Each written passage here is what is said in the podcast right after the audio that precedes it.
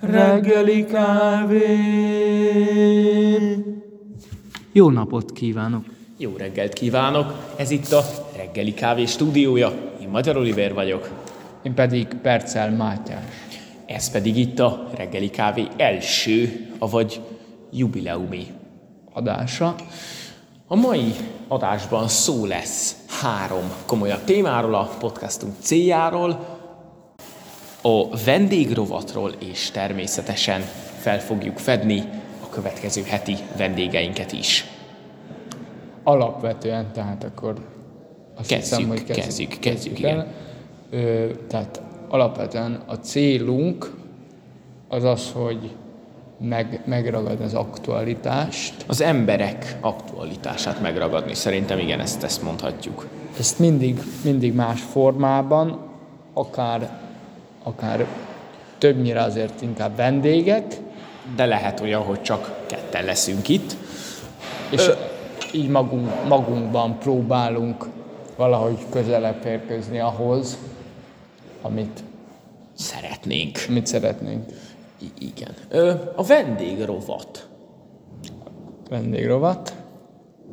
Az tulajdonképpen egy pár napja ö, megszületett ötlet, még, még fiatal, még totyog, de azt hiszem, hogy lassan pofára esik, igen. Lassan pofára, Hát illetve reméljük, hogy azért mégse. Reméljük, hogy megtanul, megtanul időbe járni. Igen, a lényege az az, hogy ti is része le, le, részei lehessetek.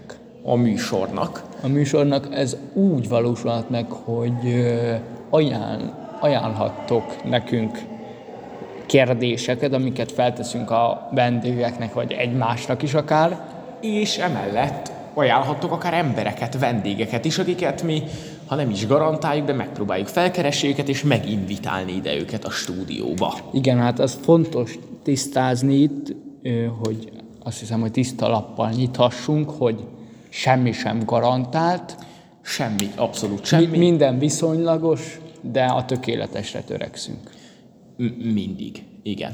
Hogy hogy tehetitek meg ezeket az ajánlásokat, annak kettő útja van. Az egyik a postafiókunk. Postafiókunk aminek a neve reggeli.podcast.email.gmail.com Ez az egyik, a másik mód pedig a... Pedig a... Hát ide, ide az Instagram alá jöhetnek a kommentekbe szint úgy a kérdések és az ajánlások. Ezeket megpróbáljuk majd átnézni, és természetesen ö, szétválogatni, hiszen azért nem ígérhetjük meg, hogy mindenki bejut. És akkor most pedig leplezzük, azt hiszem, leplezzük le a következő hét vendégeit. Az első rögtön holnap nem más lesz, mint a fantasztikus Széke Koppány, ha minden igaz.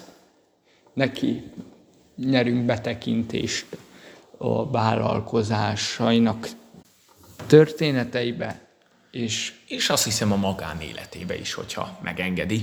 Emellett rögtön utána érkezik majd Deák Sebessén, a feltörekvőben lévő politikus és miniszterelnök jelölt, akivel arról tervezünk beszélgetni, hogy mi is a politikai terve, mi a kampánya, az ingyen sarokkal való üzleteléséről, és hát megpróbálunk betekinteni az öltönye mögé, és megismerni az embert.